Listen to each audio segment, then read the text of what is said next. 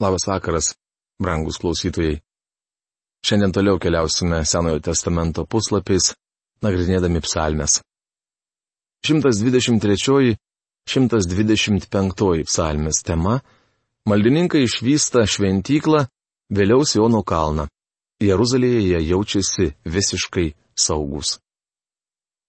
Šias tris psalmes, kuriuose pasakojama vientisa istorija, taip pat gėdodavo keliaujantys maldininkai. 123 psalmė vadinama vilties akimi, nes čia regime šventyklą ir Izraelio vaikus su viltimi keliančius akis į Dievą. Šventykloje žmonės artindavosi prie Dievo. Keliu akis į tave, į tave, kuris sėdi dangaus sostę. 123 psalmės pirmą eilutę. Psalmininkas labai aiškiai duoda suprasti, kad Dievas nėra įkalintas Jeruzalės šventykloje. Jis negyvena dėžėje. Kritikai klysta sakydami, jog Izraelis Dievą Jahvę laikė vietinę dievybę, gyvenusią jų mažoje Jeruzalės miesto šventykloje. Psalmininkas aiškiai sako, kad Izraelis tokiomis pasakomis netikėjo. Jis kreipėsi į Dievą, tu kuris sėdi dangaus sostę. Maldininkas išvysta šventyklą, tačiau to jau pat kelia akis į dangų, žinodamas, jog Dievas gyvena danguje. Šventikla buvo tik priemonė padedanti žmogui artintis prie Dievo. Kaip tarnų akį žvelgia į šeimininko ranką ir tarnaitės akis į šeimininkės ranką, taip mes žvelgiame į viešpati mūsų Dievą, laukdami, kol jis mūsų pasigailės. 123 psalmės antra eilutė. Samdinis nuolat žvilgčioja į laikrodį ir stebi savo viršininką. Kai viršininkas žiūri, samdinys netinginiauja. O mes, ar gyvename taip, tarsi Dievas visą laiką mus stebėtų? Beje, jis iš tiesų mus stebi. Mes visuomet esame jo dėmesio centre. Pasigailėk mūsų viešpatie, pasigailėk mūsų, nes esame persisotinę didelio pažeminimo. 123 psalmės trečia eilutė. Ilgai pasaulio niekinti izraelitai galiausiai sugrįžta į Jeruzalę. Jie prašo pasigailėjimo žinodami, jog yra nusidėjėliai ir jiems būtinas Dievo gailestingumas. Šie žmonės susirinko į Jeruzalę ne tam, kad patapšnotų vieni kitiems per petį. Jau esame persisotinę įžuliųjų patyčių ir iš didžiųjų paniekos. 123 psalmės ketvirta eilutė. Izraelitai susirinko į Jeruzalę vilties akį. Jie žvelgia į tą, kuris gyvena danguje. O kur šiandien žiūri mūsų akis? 124 psalmė yra istorinė. Jei 123 psalmė yra vilties akis, žvelgianti į ateitį, tai 124 psalmę galima būtų pavadinti praeities akimi, mat joje pasakojama apie Dievo gailestingumą parodytą Izraelio tautai praeitie. Jeigu viešpats nebūtų buvęs mūsų pusėje, te sako Izraelis, jeigu viešpats nebūtų buvęs mūsų pusėje, kai mūsų užpuolė priešai, jie būtų mus gyvus praryję, kai jie užsidegė pykčių ant mūsų. 124 psalmės 1-3 eilutės.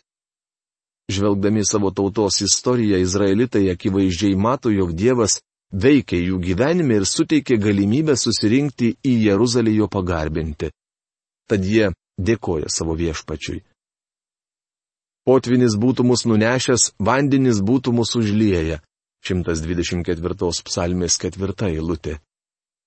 Čia kalbama apie Raudonosios jūros bei Jordano upės vandenis. O taip pat ir apie aplinkybių potvinį, kuris daug kartų buvo be apsemes Izraelio tautą.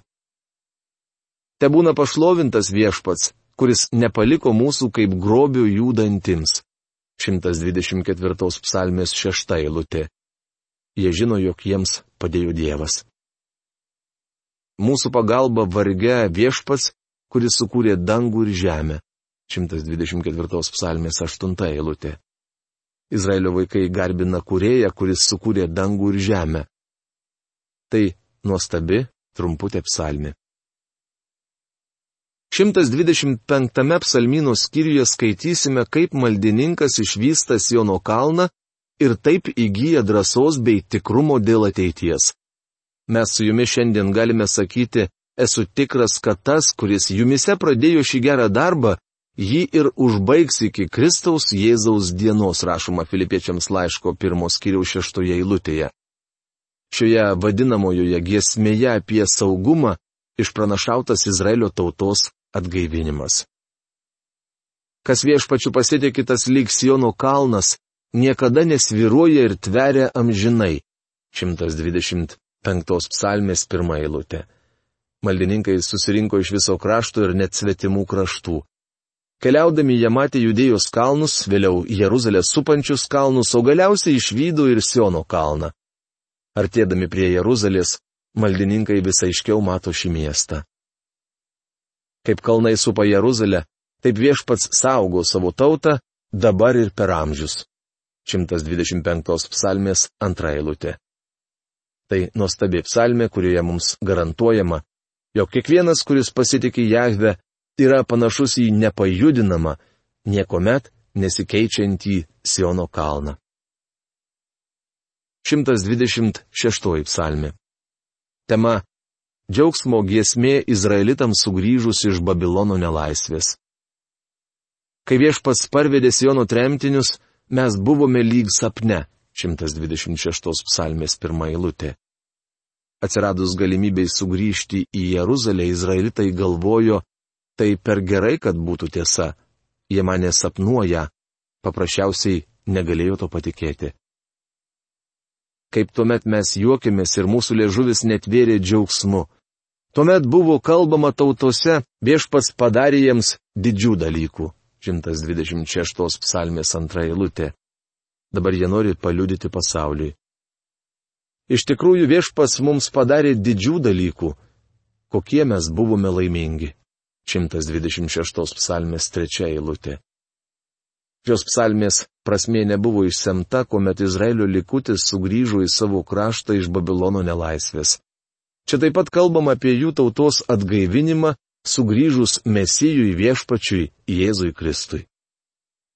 Viešpatė išlaisvink mus įkalintus, kaip srautus negebo sausvagėse. Kasėja ašarodamas, tas nuiminės derlių džiūgaudamas. Nors žmogus išeitų verkdamas, sėkla sėjai nešinas. Jis sugrįž namo džiūgaudamas, derliaus pėdais nešinas. 126 psalmės 4-6 eilutės. Baigdamas norėčiau pacituoti daktaro Gebeleino komentarą. Ši pranašiška psalmė baigiama iš tiesų gražiai. Mes visų pirma turime susimastyti apie tą, kuris nusižeminę su ašaromis pasėjo savo brangę sėklą, tai yra apie viešpati Jėzų Kristų. Tik tėvas žino, kiek ašarų pralėjo Jėzus, slapta melzdamasis jo akivaizdoje.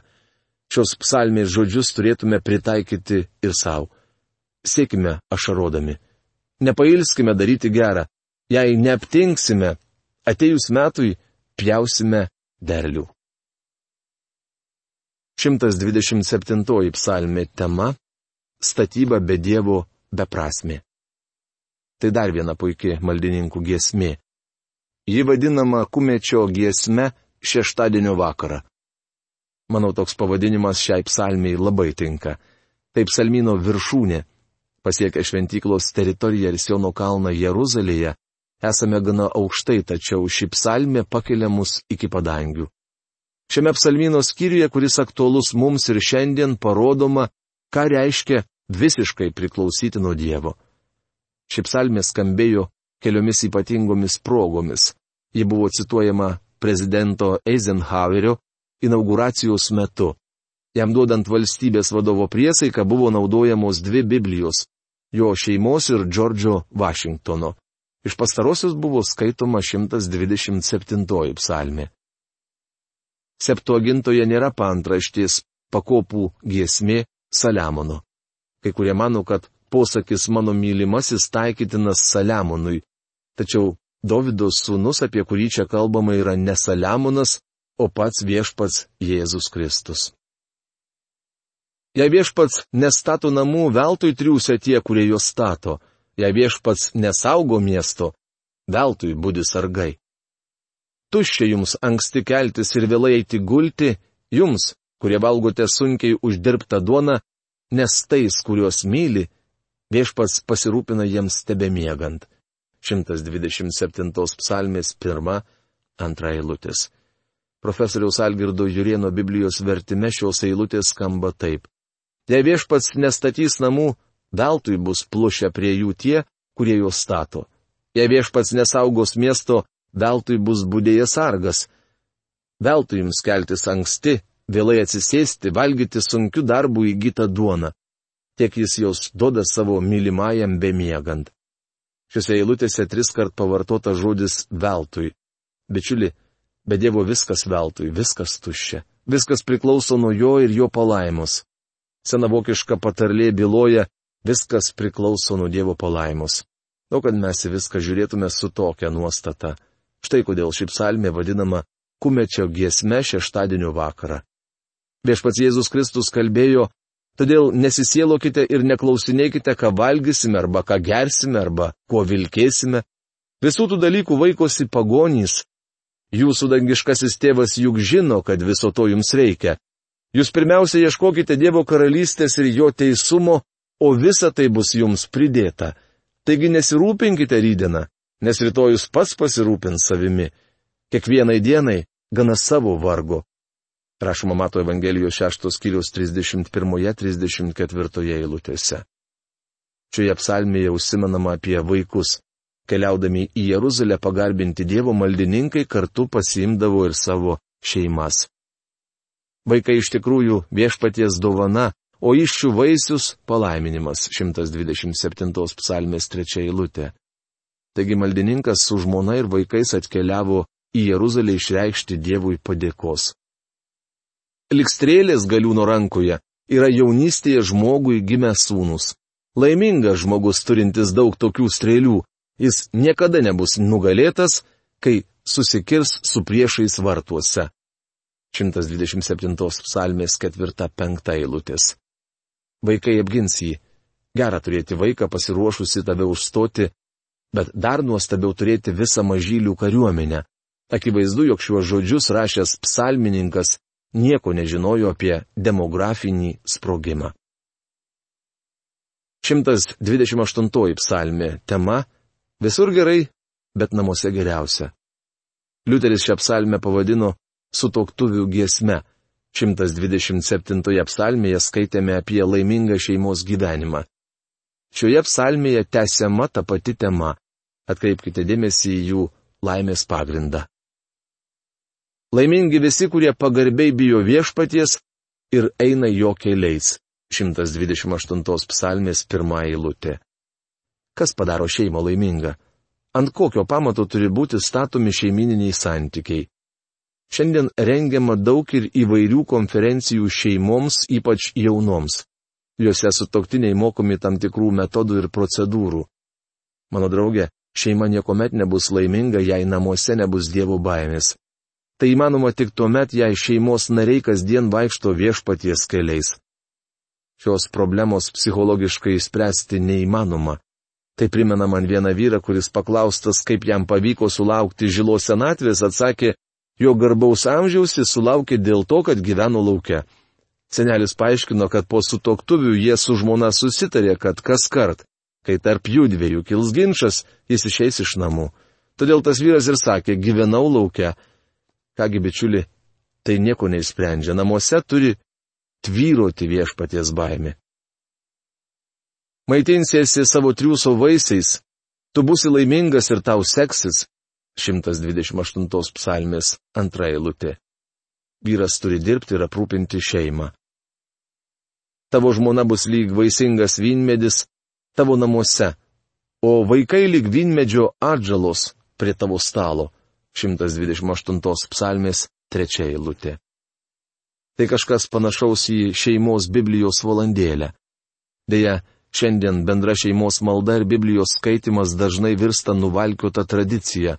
Šeima susibėga, perskaitomos kelios šventojų rašto eilutės ir po kelių minučių įsiskirsto kas savo. Šeimos nariai it kaubojai šoka ant savo žirgų ir nurūksta į skirtingas puses. Taip dažnai atrodo bendra maldos ir Dievo žodžio skaitimo valandėlė. Šioje pastraipoje matome, kad vyras, žmona ir vaikai susirenka prie stalo. Tai bus palaimintas žmogus, kuris pagarbiai bijo viešpaties. 128 psalmės ketvirta eilutė. Šeima, kuri nejaučia Dievui pagarbios baimės ir jam nepaklūsta, negali būti laiminga. Tai faktas. Vaikai žino, ar jų tėvai myli viešpatį ar tarnauja jam, ar jam paklūsta ir ar jis užima svarbę vietą jų gyvenime. Pakaitalo dievo baimingam gyvenimui nėra. Galite dalyvauti konferencijose kiek tik norite, tačiau jūsų šeima nebus laiminga, kol neužmėgsite teisingų santykių su Dievu, o užmesgę su juo tinkamus santykius, nustepsite, nes daugelis problemų įsispręs savaime. Te laimina tabe viešpats iš Siono. Patirk Jeruzalės klėstėjimą per visas savo gyvenimo dienas. Pamatyk savo vaikų vaikus. Te būna ramybė Izraeliui. 128 psalmės 5-6 eilutės. Norėčiau pacituoti jums įdomų teiginį, tiesiogiai susijusi su šia psalme. Sakoma, prieš nuopolį žmogaus namai buvo rojus, po nuopolio rojus yra jo namai. Namai gali būti rojus, arba visiška to priešingybė. Tai nuostabi šeimos psalmė. 129-130 psalmės tema - degintas, bet nesunaikintas. 129 psalmino skyriuje maldininkas pasakoja apie savo jaunystę ir kaip jį lydėjo Dievo ranka. Čia taip pat kalbama apie degintą, bet nesunaikintą Izraelį. Degantis krūmas, kurį matė Mozė, simbolizuoja stebuklingą Dievo tautos išsaugojimą. Mums atsiveria nuostabus reginys. Dievas išgelbėjo maldininkus. Jie susirinko Jeruzalėje pagarbinti Dievo. Nuo pat jaunystės buvau labai priešų engiamas, te sako Izraelis. Buvau labai priešų puolamas nuo pat jaunystės, bet jie manęs nenugalėjo. 129 psalmės 1-2 eilutės. Izraelis nebuvo sunaikintas, nes Dievas juos apsaugojo. Ten nesako praeiviai, viešpaties palaiminimas jums, laiminame jūs viešpaties vardu. 129 psalmės 8 eilutė. Žodžiai viešpaties palaiminimas jums turi lydėti mus ne tik namuose, bet ir darbe žmogaus religija ir jo teisingi santykiai su Dievu turėtų būti sudėtinė šeimininio gyvenimo ir darbo santykių dalis. Boazas buvo verslininkas. Jis sakė savo darbininkams, viešpats tebūna su jumis. Viešpats te laimina tave, atsakė šie Rūtos knygos antros kiriaus ketvirta eilutė. Šiandien darbdaviai su žmonėmis taip nekalba. 130 psalmė glaudžiai susijusi su ką tik skaitytaja. Ji vadinama Pauliaus psalmė, nes čia kalbama apie dalykus susijusius su Dievo gailestingumu. Dievas ištraukė žmogų iš nuodėmės ir mirties gelmių ne dėl jo darbų. Sėki kažkas paklausė Martino Liuterio, kokios yra geriausios psalmės. Šis atsakė psalmi Paulini. Pauliaus psalmės. Žmonėms pasiteiravus, kas yra Pauliaus psalmės, Liuteris atsakė 32, 51, 130 ir 143. Jis paaiškino, kad šiuose psalmėse mokoma, jog nuodėmių atleidimas duodamas dovanai kiekvienam, kuris tiki, nereikalaujant jokių įstatymo darbų. Todėl jos ir vadinamos Pauliaus psalmėmis. Dar ši psalmė vadinama de profundis. Tai yra iš gelmių. Iš nevilties gelmių šaukiuosi tavęs viešpatė, viešpatė išgirsk mano balsą. Tegu tavo ausys atsiveria mano maldavimui, išgirsk jį ir būk gailestingas. Jei tu viešpatė paisysi nuodėmių, tai kas viešpatė išliks gyvas? 130 psalmės 1-3 eilutės. Ačiū Dievui, kad Jis neteis mūsų pagal mūsų nedorybės. Antraip, visi pražūtume. Dievas gelbsti mus savo malonę, gailestingumu. Bet tu turi galę atleisti, kad tavęs pagarbiai bijotume. Nekantriai laukiu viešpaties pagalbos ir jo žodžiu pasitikiu. Laukiu viešpaties nekantriau, negu sargybiniai laukia aušros, negu sargybiniai aušros. 130 psalmės ketvirta, šešta eilutės. Malonė, kuri gelbsti mus, pagonis, išgelbės ir Izraelio tautą. Vieną dieną Izraelio šauksmas iš nevilties gelmių bus išklausytas. Kristus sugrįš į Sioną ir nukreips nedorybės nuo Jokūbo.